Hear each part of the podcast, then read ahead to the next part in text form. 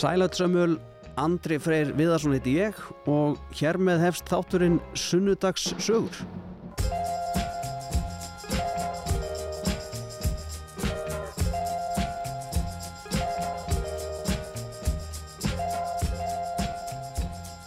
Þátturinn í dag, hann uh, verður, uh, já, eða viðtal dagsins, það verður tekið upp í genum fjarskiptabúnað Það sem að uh, viðmælandi minn í dag er stött og búsett í Slóeníu. Hún býr í slóvensku Ölbónum og er búin að gera það í nokkur ár. Uh, hún heitir Vilborg Arna Gísuradóttir og uh, hefur nú oftast verið kvöllið hérna heima í fjölmjölum Vilborg Pólfari.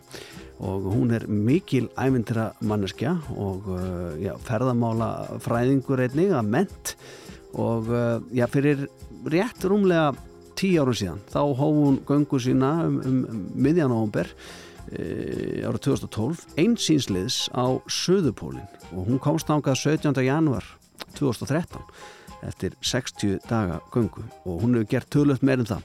E, hún e, fór árið 2017 þá fór hún á hátind Everest fjallsins. Og hún var fyrst íslenskra kvenna til að gera það. Ég ætla að regjurni garninar hérna af laungufæri rétt á eftir og, og, og spjalla við hana. En fyrst skulu lusta hérna á uh, það lag sem hún bað mig sérstaklega um að spila þegar ég fór að uh, spyrja hvað tónlist uh, verður búin að fylgja í gegnum tíðina. Og þetta er eitt frá æsku árunum og ég vil fyrsta ástinn hvað tónlist varar. Þetta er Michael Jackson og lag sem heitir Billie Jean og svo ætla ég að tempa mér í spjall við Vilborgur Pólfara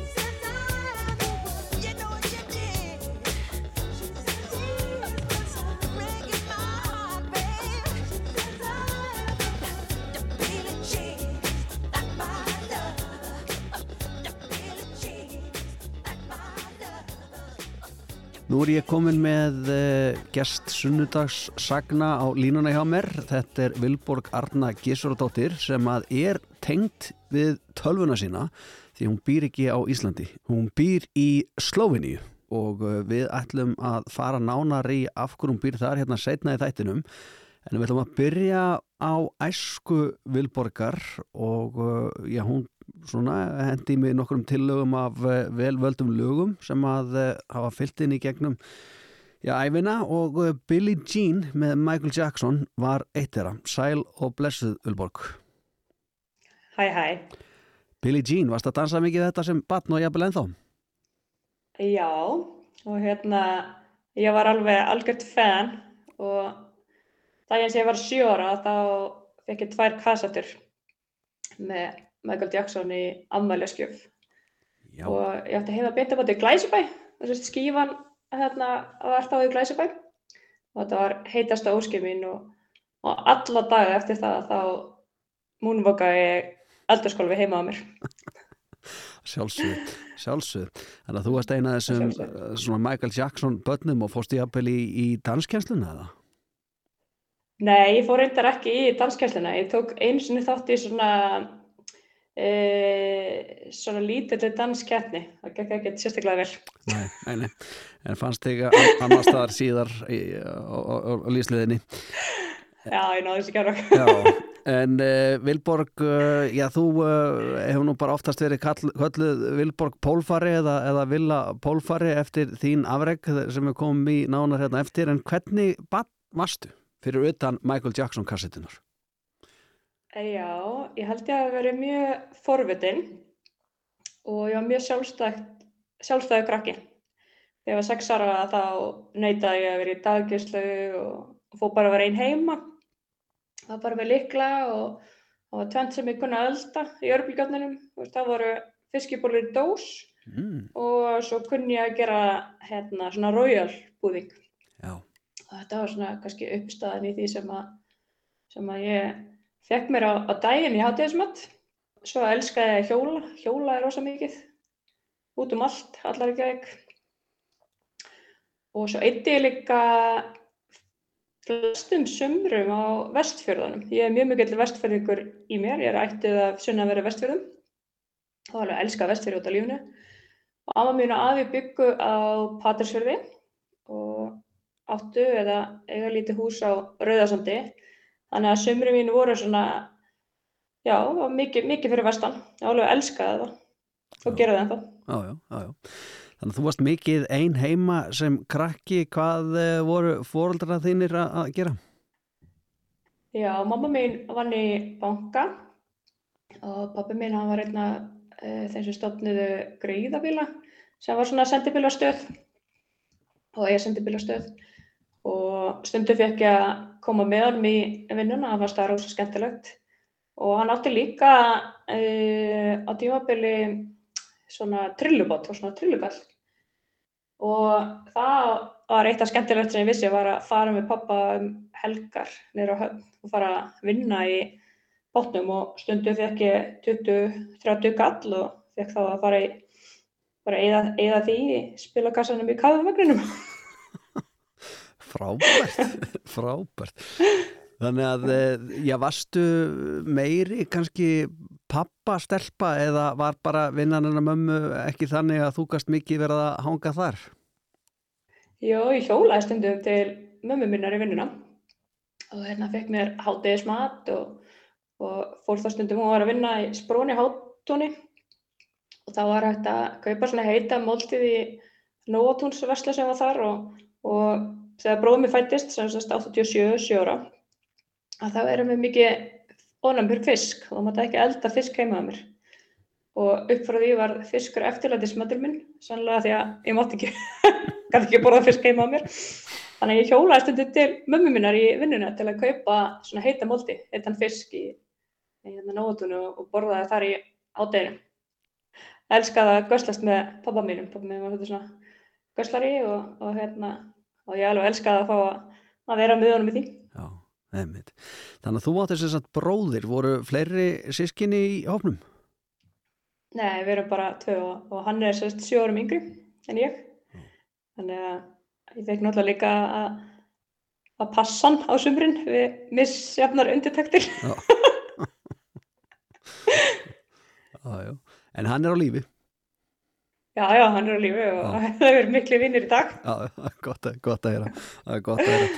Varstu, þú varst mikið með pappaðinum og uh, þú sagði mér hérna á Vilborga að uh, þú hefði svona mikið verið ein heima og vildir ekki fara í, í svona einhverja badnagæslu, sex ára gömul, ekki bara að fá líkil um hálsin og, og sjá svolítið um þið sjálf. Varstu mikið ein eða varstu vinamörg sem krakki? Já, ég átti alveg, alveg hérna að starta af, af vinum og og það voru bæði stelpa sem að bjóði í blokkinni og, og svo voru sískinni sem byggði á efstahæð í stíðagóknum minnum og, og hérna, svo voru svona þrjásistur sem átti heima í blokkamóti og það var svona kannski svona þeir sem ég leik með mest með kannski svona þessu tímabili í, í lifinu svona út að leika mm -hmm. Þetta er það ekki rétt með því að mér að já, ólstu sem satt upp í, í langkólskverfinu eða? Já, ég voru hérna, einmitt í langkólds og vóakverfinu, gegn bæði langkóldsskóla og vóaskóla. Mm -hmm. Þú ert sem sagt eh, borgabatn og, og eh, pappiðin er gösslari á sendibílum og hann er með treiluna sína og mamma í, í bankanum í, í átunnu. Og, en hva, hvaðan kemur svona göngu áhugin hjá Vilborgu Pólfra? Já, ég held að ég tengi þetta svolítið við vestfyrðina og þetta vera mikið út í náttúrunni og svo forvitni og ég hef alltaf viljað vita veist, hvað er upp á næstu hæð og hvað er á bakvið næsta stein. Og ég var reyndar alveg komin yfir týtut að ég fer í fjallgöngu, fyrsta skipti svona veist, fjallgöngu svo við þekkjum fjallgöngur þannig. Mm -hmm. En ég var náttúrulega mikið með ömmu minn og afa á Rauðarsandi og og svona er þar í rosalega mikill snertingu við náttúruna og, og afi minn hafði verið að vinna í vegavinnu og hafði unni við að gera marga þessa fjallvegi á, á vestfjörunum og hann var mjög duglar að kenna mér alls konar. Það er sambandi við náttúruna og segja mig frá og, og við vorum að keira um landið og, og svona hann var mjög duglar að segja mér alls konar örnöfni og sem ég kunni ekkert alltaf að mynda þá en, en bjós þess að það þegar ég var orðin eldri Já. og auðvitað þetta náttúrulega kveikti í mér á einhvern nátt en, en svo er ég komin yfir tvítut þegar ég fer í fyrsta skipti í svona fjallgöngu, alveg fjallgöngu. Mm -hmm. Þannig að 20 ára gömul þá byrjað þú að reymaðu gönguskona og, og uh, svo náttúrulega, já ekki mörgum ára setna, þá fylgis við þjóðin spennt með uh, því sem að þú ert að barndúsa en sko við skulum snú okkur aðeins aftur að tónlistinni og, og taka okkur smá pásu hérna til að fylla á kaffibóllana eh, þú sagði mér að svona eitt af þessum lögum sem hefur fyllt er alla æfi að við verum með Fleetwood Mac lag sem heitir Sara voru fóreldraðinir svona já miklir tónlistar áhuga menn eða? Já sko föðufölskylda mín er mjög söng elsk það geta allir sunginu með ég og pappi minn var í kór. En uh, það var meira svona kannski áttuna svona klassískri tónlist. Þannig að ég fæ eiginlega svona já svona þessi popminningu mínu hún er eiginlega bara svona sjálfsalinn Já, umvitt Skulum hlýða hérna á lægið Sara með Fleetwood Mac og síðan höldum við áfram að ræða við Vilborgu Pólfara eða Vilborgu Örnu Gísverðardóttur uh, um hennar afreg hérna í Sunnudarsögum Said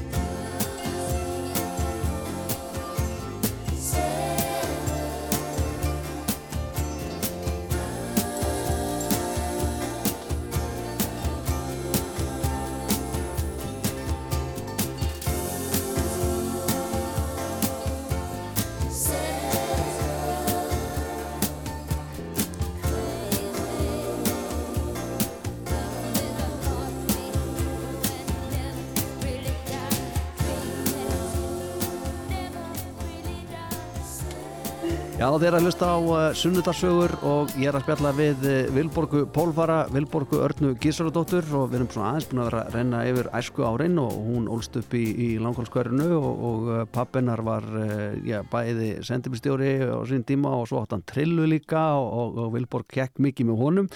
Fekk að hjálpa til og svona og fekk stundum 30 kall fyrir sem að yfirleitt fólk bara í spilakassan. E, þú, þú, þú vantar ekkert grætt mikið á því Vilborg Nei, allir það nokkuð. Nei, nei, það kemur setna. Ekki er það? Það kemur setna, kemur setna. Og uh, hún fekk, uh, já, svona tónlistar á henni kvikna ásöldi hjá henni þegar hún fekk tvær Michael Jackson kassettur að gjöf og uh, það úr, varst ekki að segja mér að var það úr Glæsibæ eða Miklagarði? Úr Glæsibæ. Úr Glæsibæ, akkurat. Akkurat, 20 ára gömul, þá reymar það á þig gönguskona og það er Afi fyrir vestan á Röðarsandi sem að já, svona, einhvern veginn hefur mikil áhrif á þig hvað það var þar og er alltaf að segja það frá öllu sem að tengist náttúrunni og öllum sem kennileitum þannig í kring en hvað eru ótt ánum tvítu og komið skona á þig búin að fara þína fyrstu fjallgöngu já, kom ekkert annað til greina eða, eða var áhugin lengi að, að svona einhvern veginn að, að kveikna eða, eða, eða hvað? Nei, það var eiginlega bara þannig að sérst, fyrsta fjallganga sem ég fór í var á Panadarsnúk og það verið svona svolítið brekka hjá mér í lífinu fram á þessu og ég átti erfitt upp til að það er skóla, átti reygin og myndaskóla og, og svona var reygin ekki alveg að finna mig í þessu sama flæði og, og flesti vinið mínir. Og sérst, ég fer í þessa fjallgöngu og fjöll eru svona mörguleiti svona ámarka markmið, þú veist, það tekur ákveðin tíma að ganga upp og ganga niður, þú veist, það er ákveðin toppur sem þú ert kannski að reyna við og þetta ekkert verður svona minn fyrsti persónlegu sigur í mjög langa tíma og ég vissi bara í þessari ferð, sérst, áður en að við komum tilbaka á ferðinni að þetta var eitthvað sem ég vildi halda áfram að gera mm -hmm. og ég hef bara ekki stoppað síðan. Já. Það er bara þannig. Já, já. Rekin úr mentarskólum en elskar það að ganga fjöll heldur að í, í, í já, þú verður ung í dag, heldur að þú myndir fá okkur steinbílinn, ofverkniðabill eða, eða hvað? Já, ég er alveg viss að ef að, ef að ég hef verið, sérst, ef að þessi umræða sem á sér stað í þjóðfélaginu í dag hefði átt sér stað þá að ég öruglega fengið svona miklu meiri stuðning og, og ég fagna allri þessari umræðu sem að er í gangi núna og ég var með að lesa að viðtali um unga stúlku sem að varst inn í háskóla í bandaríkjunum á þess að hann sá að klára á stúdurspróf og, og sérst ég var líka þannig, ég varst inn í háskóla og hann sá að vera með stúdurspróf mm -hmm. uh, og fyrir vikið þess að ég þurfti að þróa með mér svona kannski mínar svona eigin agareglur og svona mitt eigið skipulag og það hefur líka fyllt mér vegna þess að það einhvern veginn hafa þurft að búa mig til system til þess að geta klára og verið í háskóla og, og, og, og klára líka masterskráðu að, að það er líka það sem hefur fyllt mér inn í, inn í leiðangarna að geta hugsa svona strategíst og systematíst það er líka eitthvað sem ég tek frá pappa minnum því að hann var mjög góður brittspilari mm -hmm. og þannig að ég held að, að það hefði svona ákveðin, hálf, ákveðin hátt svona hjálpa mér líka en auðvitað var það til mikill að trafaðla þegar, þegar ég var yngri og var ekki búin að svona kannski læra alveg inn á sjálfa mig. Mm -hmm. Sko, þú uh, ert þarna, við erum svona stött eitthvað starf í, þinni æfið þar sem þú ert orðin rúmlega tvítu og, og búin að fara þína fyrstu fjallgöngu og áhugin er orðin mikill á að brölda upp á fjöll og tinda og hóla og æðir og allt það. Eh, hvenar svona ákvastu að því að já, það, núna eru rétt rúmlega tíu ár síðan að, að þú uh, ferð á Suðurpólinn Eh, þú hefur þá göngu í, í nógumber 2012 og, og uh, þetta er ganga sem að tekur 60 daga. Eh, þú ferð eini í þessa ævindira ferð en, en hvað varstu lengi að undibúa þessa ferð? Var þetta alltaf eitthvað markmið sem stendir að og, og, og gerði svo nokkur um árum setna eða var þetta bara svona eins og maður segir spontant eða, eða hvað, hvað var til þess að þú ákveður að leggja í þennan leiðangur á Suðupólun? Já, það var þannig að ég náttúrulega las bækur þegar að, sérst, ég fyrir björgunarsveit og fyrir svona læra fjallamennskum mm -hmm. og þá er ég náttúrulega að lesa mikið af bókum og þetta er svona fyrir tíma YouTube. Bækur voru svona helsta svona kveikjan. Og ég les bæði sagt, um íslensku bólferðunar sem að uh, var sagt, sem að þeir fóru í og og um erlenda pólfara og heitlast bara algjörlega að þessu og líka að lesa háfjallabækunar og, og finna þetta er eitthvað sem að mig langar til að gera. Þú veist, ég finn það bara mjög stert í hærtanu og á sama tíma að veit ég að ég kannski ekki komin á þann stað ennþá, þú veist, þá er náttúrulega að hafa talsverðar einsla á bækinu. Þannig ég er alltaf svona einhvern veginn lengt að ljósta vinna mig áttina að þessu, en að sama tíma þá vildi ég líka einhvern veginn vera svona svolítið búin að koma mig fyrir, svona einhver að tryggja einhverja framtíð, þú veist, búin að fá mér einhverja mentun og ég veit að þá maður líka að geta borga fyrir þetta, þetta er ekki bytt, þetta er ekki bytt ókipis og svona einhvern veginn er svona að vinna mér svona, já ég er alltaf svona að vinna mig áttina að þessu og, og svo er það þegar ég er að klára mastersnáðum mitt, þá tek ég þess að er einu öðru ákvörðun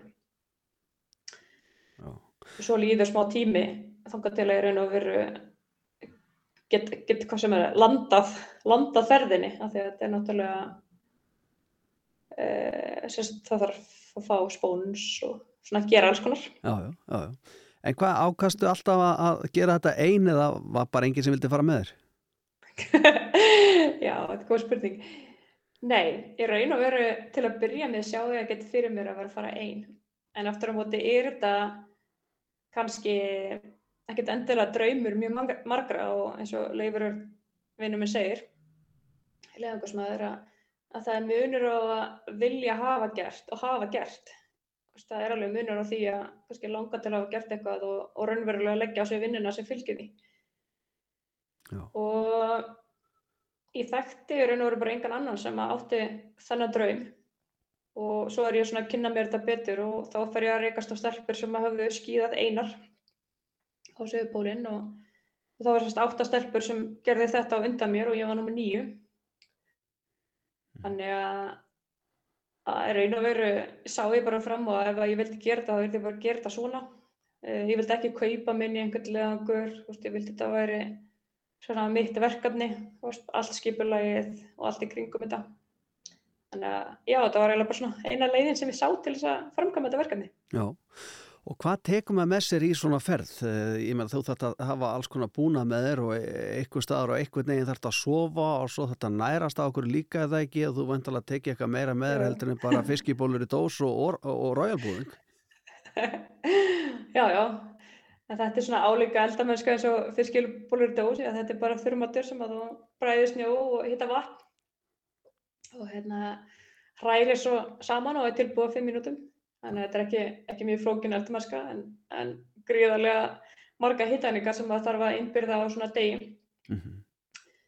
Og svo skiptir máli að, að vera með gott hjald og góða búnað og, og skoða söpboka og, og allt þetta.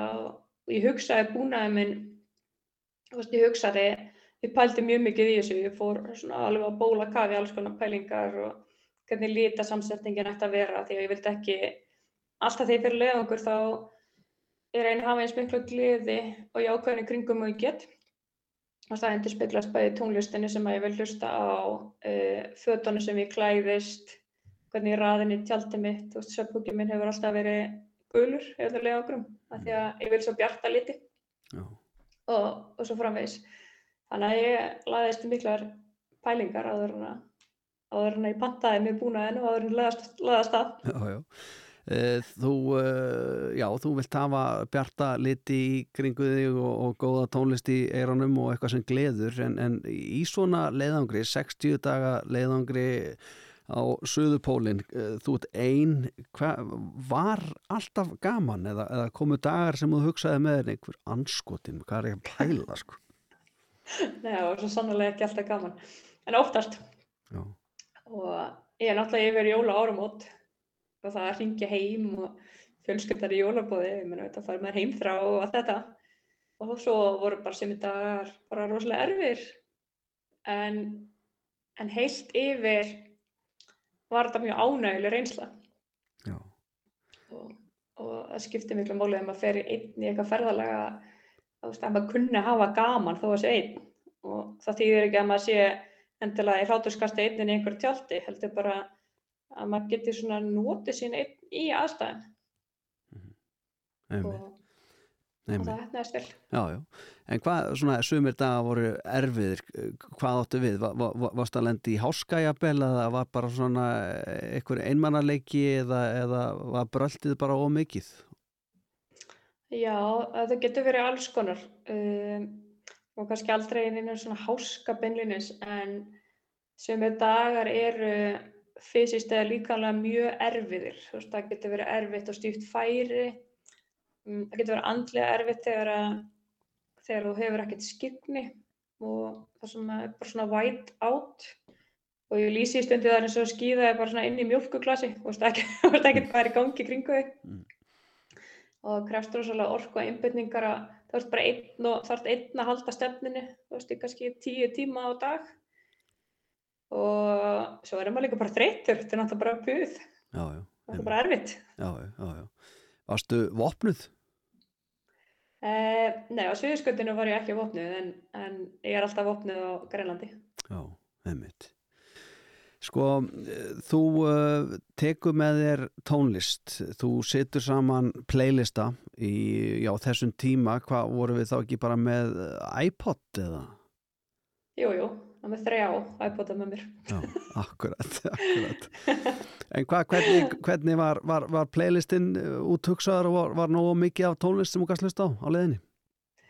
Já, í þessari ferð var ég með nógu mikið af tónlist og það var svona tvent sem ég gerði þannig svo er valdi ég sjálf tónlist og sem fekk ég líka vini til að setja inn tónlist fyrir mig Já. og hljóðbækur og, og svo leis. Þá gæti maður svona komið sjálfum sér á óvart hverjum degi. Mm Það er svona, það, er litlu hlutin sem er gleðja í svona leiðangri. Já, já, það er sannlega, það er svona smá tilbyrting og, og svo gæti alveg komið fyrir ég með undir að veit dagur og, og það sem ég hlustaði á, á Roxette á repeat og ég hef aldrei hró- hlustað á Roxette áður. Þetta er svona bara alls konar. já, já, já, já. En hvernig var símasambandi þarna? Þú sagði mér hérna á hana að e, þegar þú, e, já, þú stött hann yfir jól og, og, og áramót og, og ringir í fjölskylduna og allir í heimbóði bara með malt og appisinn í glasi og, og hérna jólasteikin á borðinu og svona. Var alltaf að hann á sambandi og, og varstu bara með eh, já, Nokia síma eða hvernig, hvernig gerir maður þetta á Suðupólunum árið 2012? En já, það er hérna alltaf bara svona gerfinætta samband og gerfinætta sími. Og ég gæti sendt SMS og svo ringdi ég heim svona við sérstök uh, tilefni. Og annarkvort sem einhver svona verðlaun fyrir mig eða á einhverju svona hátíðadugum og auðvitað er sambandi í svona gerfinætta síma er oft svona frekar brotið og, og það er svona delay og og slitnar og allt þetta en, en samt svona alveg nóg til þess að maður fái tilfinninguna og geti haldið góðum samskiptum. Mm og svo var hægt að senda mér SMS í síman í gegnum hérna, heimasíðuna sem ég var með þá. Og það var alveg ótrúlega mikið magn af skilabóðum sem að ég fekk og það hjálpaði rosa bara alls konar fólk, fólk sem þetta ekki neitt brandarar, skemmtilega sögur vinir að senda lindamál einu vinkonum mín uppgötu að hún var ófrisk ég held ég að vera fyrst til að frétta það því ég gæti ekki sagt neinum. Já, já, mjög hendit, mjög hendit. það mjög hendið til það Já, en þegar, sko, þú sagðir á hann líka að, að þegar þú stöttan þetta er svolítið svona eins og að skýða bara í mjölkuglasi, þú veist í rauninni aldrei eh, hvað er í kringu þig eða, eða hvað er þú stött ég, ég voru eitthvað svona eitthvað tímabil þar sem þú, eða eitthvað stundir þar sem þú sást bara hreinlega ofsjónir Nei, ég gerði það nú ekki. En, en það er alveg, þess að fólk getur lent í því. En ég var svo heppin að lenda, lenda ekki í því. Og einhvern veginn, það hefur mér bara alltaf líður rosa vel á suðurskutinu. Ég hef bara einhver tengingu við þetta land. Og, og mér finnst mjög gaman að vera þar. Og ég finn mér rosa vel í, í þessu umhverfi. Þannig, og sérstaklega kannski veist, það sem er kannski ánægilegt við suðurskautu þó að það sé mjög kalt þar og vindasamt og svoleiðis að þá þegar við erum á sögurskautinu að þá er sumarðar. Við erum ekki að fara ánga í vetartíman. Þannig að þetta er bara svona eins og íslenska sumrið að þýljötinu til að það er dagspyrta alla sólaringin sem að hendar mjög mjög vel að því að ég er pínu myrkfælin. Já, akkurat. En, en hvað, hvað talar mikið þið sjálfa þig í, í svona ferði? Menn þetta eru 60 daga. Er, er yeah. Vilborg Pólfari bara að allt uppi samræðum við sjálfan sig eða hvað? Já, þetta hugsa maður rosa mikið Já. og pælir í alls konar hlutum og í dag þá, ég tek náttúrulega líka mikið á hljóðbókum, mér skaman að hlusta og jújú, jú, þú veist, auðvitað maður þarf að peppa sjálfa sig í gangstundum og, og svona og ég meina einhvern veginn að það er gaman hérna er einhvern veginn verður að þú veist koma því frá þér, veist, þannig að auðvitað er maður mikið að tala við sjálfa sig Já, einmitt, einmitt Þú ert mikið þarna á, á söðurskautunni og, og hefur sterka tengingu við þetta svæði og líður vel þarna. Áttu mikið að vinum þarna? Já, sko, eins og nú var ég til dæmis að vinna á söðurskautunni um þessi jólaárumot og, og ég sérst verið komið ánga þrý svareldi á eitt einhverjum samtals hátt í, já, sex mánuðum á æfinni á söðurskautunum. Mm -hmm. Þannig að auðvitað gegnum eins og vinnuna og og þessi verkefni sem að ég hef verið í að þá hefði ég náttúrulega kynst ótrúlega mikið af fólki og, og maður tengist fólki á svo skemmtilegan hátt uh, þegar maður er í svona ævintýra ferðum að þetta er einhver reynsla sem þú ert að deila með fólki og, og þar er einhver engin annar sem skilur þessa reynslu nema svo sem þú ert að upplifa það með. Mm -hmm. Sennilega alltaf hluti þessu er náttúrulega er og veru að þetta er alltaf óbyggt svæði þannig séð. Allir sem eru að vera aðkomin það er enginn sem að heima aðna og, og þeir sem að ferðast á suðurskautið annarkort er að fara liðangra eða að koma ánga til þess að vinna eiga náttúrulega það samil það þeirra að áhuga á suðurskautinu mm. og æfintyrum mm -hmm. Emmitt Sko, eitt af þessum lögum sem að þú uh, bendir mér á að þú er hlusta svolítið á varst að uh, ganga á, á Suðupólinn uh, árið 2012, 32 ára gömul, það var með dúkulísunum ekki sett? Já, það var eiginlega reyndar tengt sko hérna grænlandsjökli í vor. Já, já, já, emmitt, já, ok, ok. E, við ekki að hlýða á það og ræða svo eftir það hérna um Grænlandsjökul og, og önnur, a, a, a, önnur afreg Jú, það ljóma vel það Hérna er svarkvita hetja mín með dúkuliðsónum þetta er eitt af lögunum hennar Vilborgar Örnu Gísardóttur eða Vilborgu Pólfara. Svo heldum við áfram að spjalla saman hérna í sunnudags sögum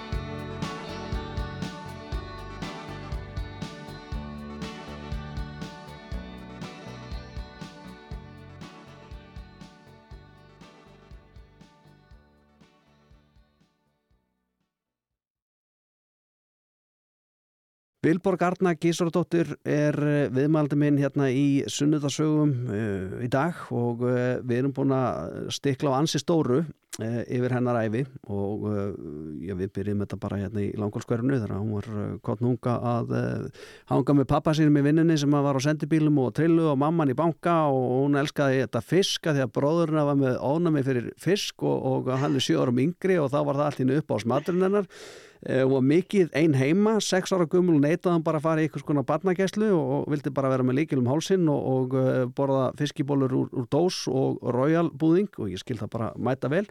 Og eh, múnvokkaði um eldur sér sitt með sína tvær Michael Jackson kassettur. Við erum búin að vera að ræða hérna um afreikennar sem var fyrir tíu ánum síðan. Ára 2012 þá byrjar hún að ganga á Suðupólinn og það er 60 daga ganga og hún var einn og uh, hún myndist að hérna að hann spilaði dúkulísunar ég hef náttúrulega rugglega sem að reyta um þetta að uh, þetta var uh, það lag sem hún lustaði mikið á þegar hún uh, gekk á, á Grænlandsjökul. En uh, það er nú meira sem að þú hefur gert Vilborg og uh, það er svona eitt af þessum afrækðinu sem langar nú til að ræða líka. Það er árið 2017 þegar að já. Já, þú ert fyrst íslenskra kvenna til að fara á hátind Everest fjálsins Já, það, það passar. Það var mjög ánægilegu dagur. Já, ég skal trúa því. Og, og hvað, ertu eini því ferðalagi líka? Já, já, raun og veru, e, nei, en sem sagt, já og nei. Já. Þannig að ég hafi gert tvær tilvunir áður sem að ég hafði þurft að hætta við vegna náttúruhamfara var annars vegar hérna, snjóflóð í Ísfallinu eða svona Íshrun og svo jarðskjálti 2015 og það voru árum 2014 og 2015 þannig að ég hef tviðsjónum eh, áður farið af stað í efraslegangur og þurfti að snúa frá Já. og árið 2017 þá er ég tilbúin til þess að og þá er ég raun og verið að fara líka kannski til að fá svona ákveðna lókun, svona closure, það tekið mikið á mig og, og svona verið eh, margt svona erfitt sem að e, sem að ég hef gengið gegnum í kjölfarið. Það var uh, veist, það voru fjöldin allir sem hafi farist í þessum hamförum og, og svona bara já, svona lífsreynsla mikil fyrir mig. Mm -hmm. og þess að 2017 þá er ég einhvern veginn svona tilbúin til þess að fara aftur og, og þá er ég ekkert að segja frá því að ég sé að fara, veist, ég gera þetta ekki fyrir opnið tjöldum nema bara réttið að fyrir að líða að tóknum og svona leiðangur er tveir mánir og sérst, þegar ég toppa þá er ég raun og verið að vinna með einu sérpa og er ekki í stórum hóp eða, eða þannig að þetta er svona leiðangur sem ég skipuleg bara svona prívat og, og hérna og skip, já, skipulegja hann og sé bara um hann er raun og verið sjálf. Og það, það var mjög skemmtilega reynsla. Það var bara dásalegt Já. Þegar maður fyrir svona tveggja mánuða ferð og, og þú ert að stefna á, á toppin á Everest e, þú ert með einn sérpa með þér e, hvernig velum maður rétta sérpan í svona leðangur? Já, þetta er náttúrulega, ég er búin að vera mikið í Nepal, ég er búin að auða Eh, ég er búin að fara mjög oft í Nepal, ég held að ég er búin að fara á allavega tíu sinum. Þannig ég er fann að kynnast inn í sérpa samfélagið og ég er náttúrulega klífið önnu full og, og, hérna, og verið alltaf þarfrið mikið. Og leiður okkar hafðu leiðið saman árið 2014 og, og það er sagt, og ég er einhverju finn Þann er sem sagt, já, leiður okkur líka saman í gegnum sameigilegan hérna vinn sem er líka að sérpi og hjálpa með með ímislegt í skipjalagunni. Þannig að þetta er einhvern veginn svona bara, maður þekkir mannsaldi. Já, einmitt. Mér heyrist á þér, Vilborga, að eh, já, þú sért og hafur verið, já, reynilega bara alla tíðnánast lítið heimahaður fyrir utan þegar þú varst sex ára kumul og viltir ekki fara í, í, í batnagæslu. Eh, hvernig, ég menna, maður getur ímyndið sér að, að þessum lífstíl, já, það, það sé svolítið erfitt að, að vera kannski fjölskyldu manneskja og, og, og móðir, en hvernig er staðan á þér þar? Já, þetta er einmitt svona, er, já, svona eins og nú er svolítið farið að, hægjast á.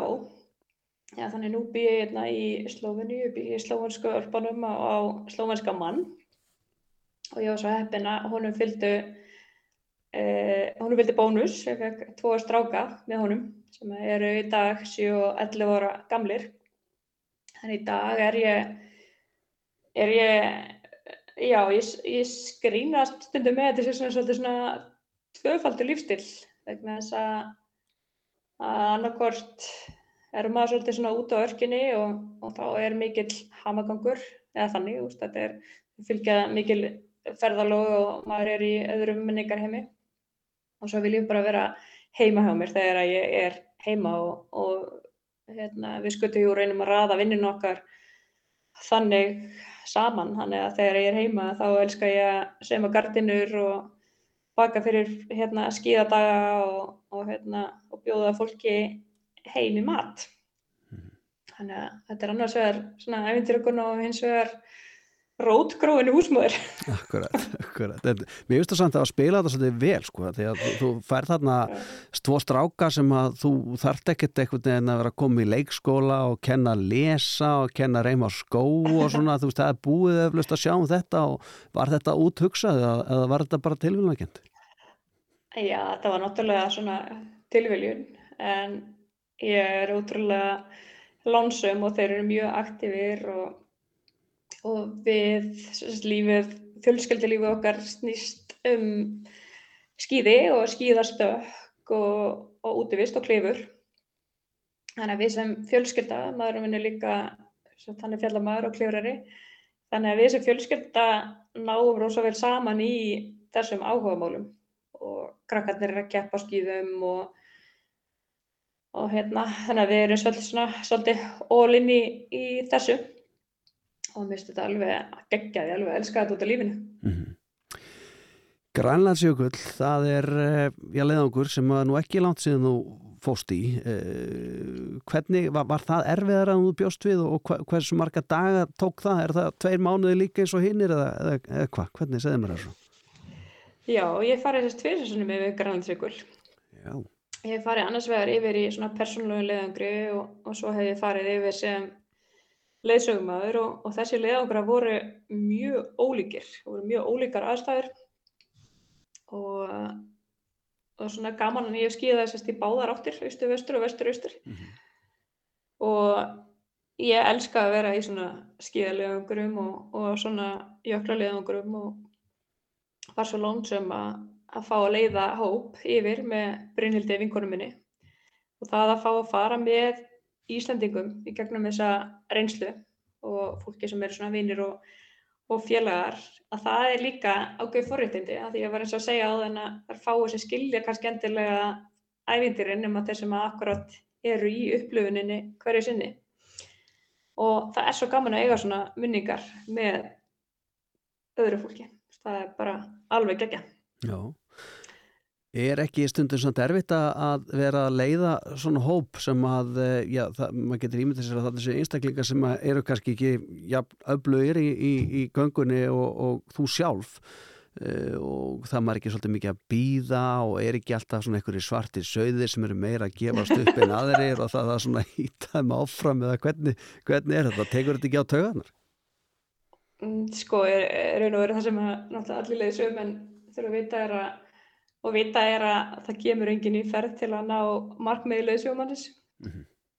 þess að fólk er að koma til að ná sínum eigin markmiðum og, og það er að fara með þér að því að þú hefur kannski einhver ákveðna reynslu sem getur kannski aðstofað þau að ná sínum markmiðum eða þau trösta þér fyrir því að taka þátt í að ná sínum markmiðum. Og ég hef alltaf verið mjög svona eða maður starta svona hömbul gagvart því þrösti og ég veit raun og veru ekkert betra en að fá að, að fylgja fólki svona í gegnum hvort sem það er að ganga hvernaldarsnúki fyrsta skipti eða fara í einhverjar stærri ferðir og ég vil líka vera að leiða fólki svona á, á svona harri fjöll og í slíku ferðum að þá er markmiði mitt alltaf að reyna að hámarka upplifun annara. Þetta er fjárfesting að fara í svona ferð, þetta kostar peninga. Og fólk er að fjárfesta í lífsreynslu. Þannig að markmiði mitt er alltaf að gera allt til þess að fólk uh, nái þeim markmiðum eða þeim árangri sem að það hefur sett sér. Og það finnst mér ótrúlega ótrúlega gefandi og skemmtilegt ferli. Og maður getur ekki verið í slíkri vinnu nema maður sé búinn er raun og verið að þjálfa sjálfan sig yfir það ferli. Þú veist að þú getur verið að leita öðrum. Þú veist þú verður að vera með það mikla reynslu og, og þekkingu á bakinu að, að þú getur stuttaður í gegnum uh, gegnum ferli mhm. og þetta er eitthvað sem að mér finnst alveg ótrúlega skemmtilegt. Já. Uh, Vilborg uh, Pólfari við uh, já, verðum nú að taka okkur smá hlið hérna og, og ná aðeins andanum og, og skella okkur síðan yfir í, í nútíman hérna rétt eftir í, í næstu lótu viðtalsins í, í sundarsögum. Það er eitt lag sem að þú bendir mér á að væri svona skýða peppið það er já. Tom O'Dell lag sem heitir Another Love Hvað setið þið fjölskyldan, skýða fjölskyldan í, í, slóvansku öllbónum þetta á þegar þeir að smíða samlokunnar og, og, og finna til klossanna og, og skýða, ábyrðin og allt þetta? Og er þetta setta og hækkaði botn eða hvað kemur til að þetta lag var fyrir velni? Já, þetta fær kannski svona hljóma þegar, að, þegar ég er kannski eini bílnum og leðinu á, skýðaðinningu en við eigum hérna eigum líka svona fjölskyldu pepla en, en hérna það er úr, eh, ég held að þetta er Endoman sem er hérna Gangnam Style útgáfa, einhver svona teknimynda útgáfa en, en ég veit fátt betra en að, en að spila hátt á liðinu á, á hérna skíðaæfingu og byrjir gýrin Já, skulum við hlýða það. Tom Odell, lægið Another Love. I wanna take you somewhere so you know I care But it's so cold and I don't know where. I brought you daffodils on a pretty string But they won't flower like they did last spring And I wanna kiss you, make you feel alright I'm just so tired to share my nights. I wanna cry and I wanna love, but all my tears have been used up on another love, another love. All my tears been used up on another love, another love. All my tears have been used all on another love, another love. All my tears have been used all.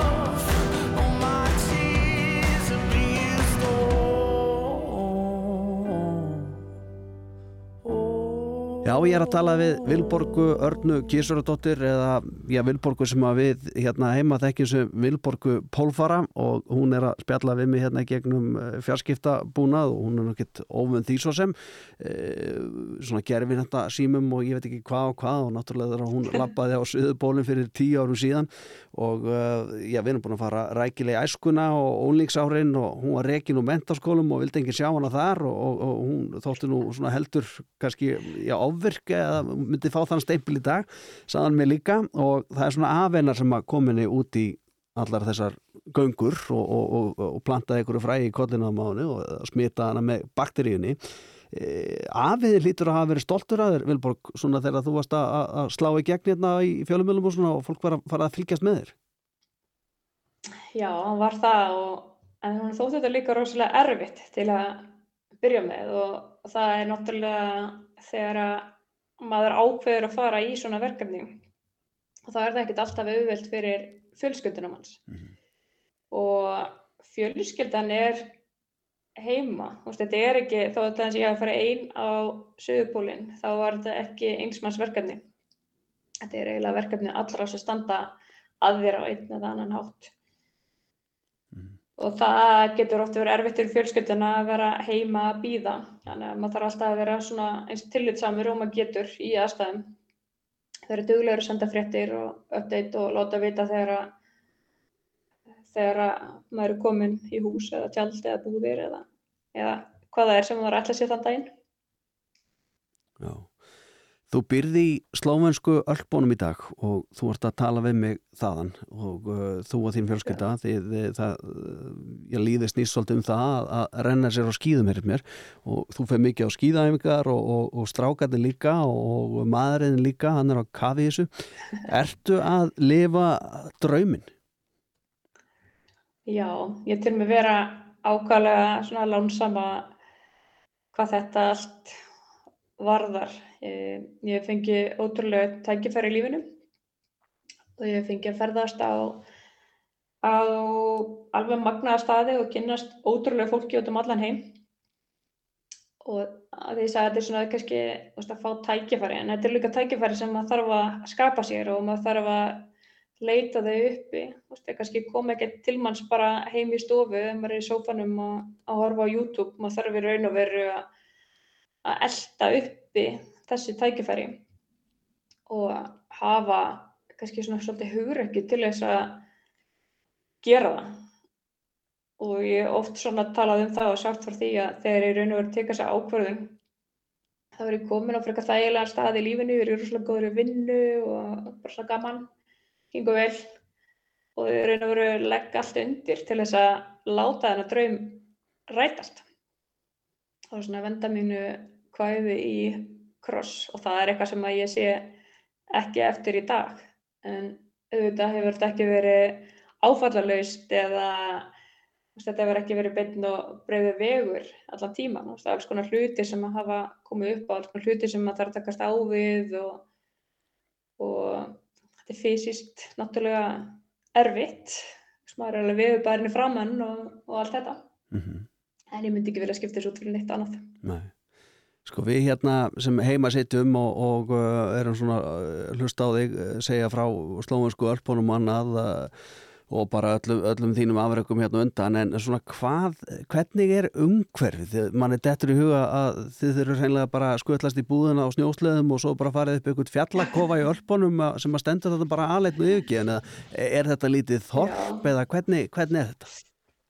Já, um, ég býr að vera hálf tíma fyrir utan höfuborgina og ég bý svona, um, já það er lítið þorp en það er rétt fyrir neðan, alveg svona 5 minúti frá þessu þorpi bý er, er sem sagt í raun og veru hverfi mitt og þetta er svona hverfi það sem eru, þetta er svona fjölskyldhús af miklu leiti og svo eru líka búndabæðir þannig að ég heyri stundu baul þegar ég fara svo og svo koma stundum dádýr á, á veginn á kvöldin þannig að maður þarf að passa sig þegar maður er að gera og og svo er ég svo heppin að ég get bara gengið hérna út um dyrnar heima á mér og, og ég er bara í fjallalandslægi þannig að hvort sem ég vil fara að klifra, hjóla e, fara í fjallalaup eða fjallaklifur það er einu veru þurfti ég aldrei að þurfti ég aldrei yfir ekki að hverju mitt sko. Nei. Magnað. Eh, Vilborg, eh, hvað eh, ertu með eitthvað svona á prjónunum? Er eitthvað svona leiðangrar sem að þú vilt deila með okkur eða ertu bara svona já, eins mikið já, hvað maður að segja sest í helgan stein og, og, og, og þú getur eða hvað? um, nei, ég ferðaðist mjög mikið í síðasta sögumar, ég var bæði á Grænlandsjökli, ég var í Pakistan og Suðurskautinu Um, í ár er ég svo sem ekki með einn stóru verkefni á planinu. En ég segi stundum að ég svona grína því ég bý mjög misfæðis í hérna Európa-vörpunum að, að ég svona skreppa, ég alltaf svona skreppi nákarnið og, og hérna það finnst mjög gaman að fara heimsækja vina og félaga sem að sem að eru kannski einhver staðar hérna í Dólamuttunum eða Ísturíki eða eitthvað svolítið, þannig að ég er alveg duglega að skreppi í svona stittri ferði, kannski bara svona helgaferð eða eitthvað svoleiðis þetta er bara akstur kannski þrýr, fjóri tímar til að skreppi frá Reykjavík í Skattafell oh. og núna hef ég eru nú veru svona eins og þessa dagana þá er ég að æfa frekar mikið. Og, og ég er svona bara svolítið mikið verið að njóta mín einhvern veginn í, í þessu umhverju sem að ég bý í. Eh, ég er kannski áhuga á leiðum sem er alveg kannski svona erfiðar, svona tenglega erfiðar en krefjast þess að vera ekki að heima nefndilega mjög lengi. Þú veist, þetta er eitthvað sem þú getur gert allt á, á kannski innan við viku og, og það er svona lífstílir sem að ég leita mjög mikið í dag. Þetta er svona aktífur lífstíl og svo vil ég líka bara geta verið með fólkinu mínu. Mm -hmm. Einmitt.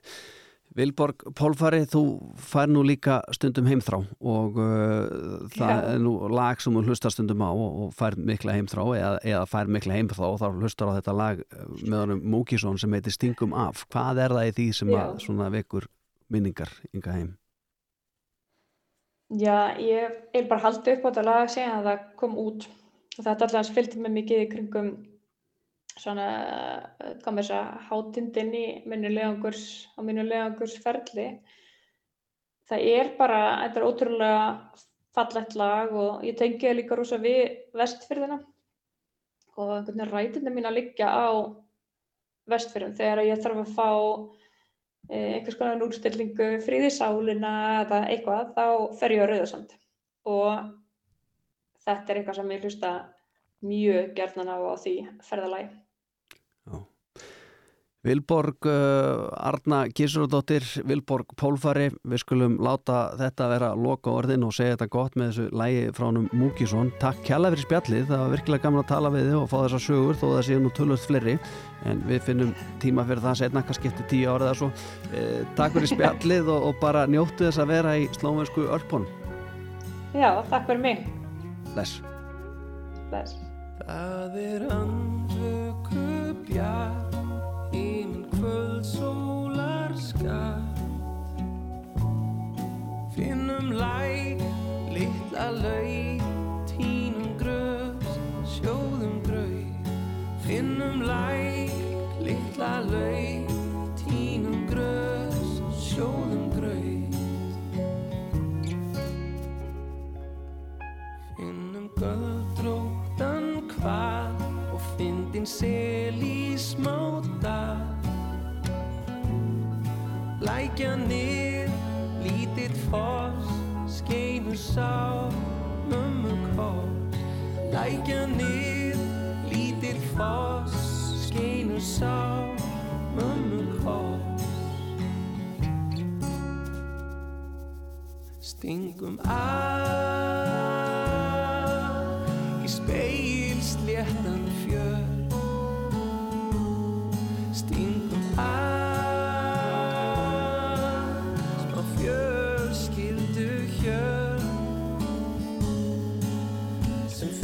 goodbye.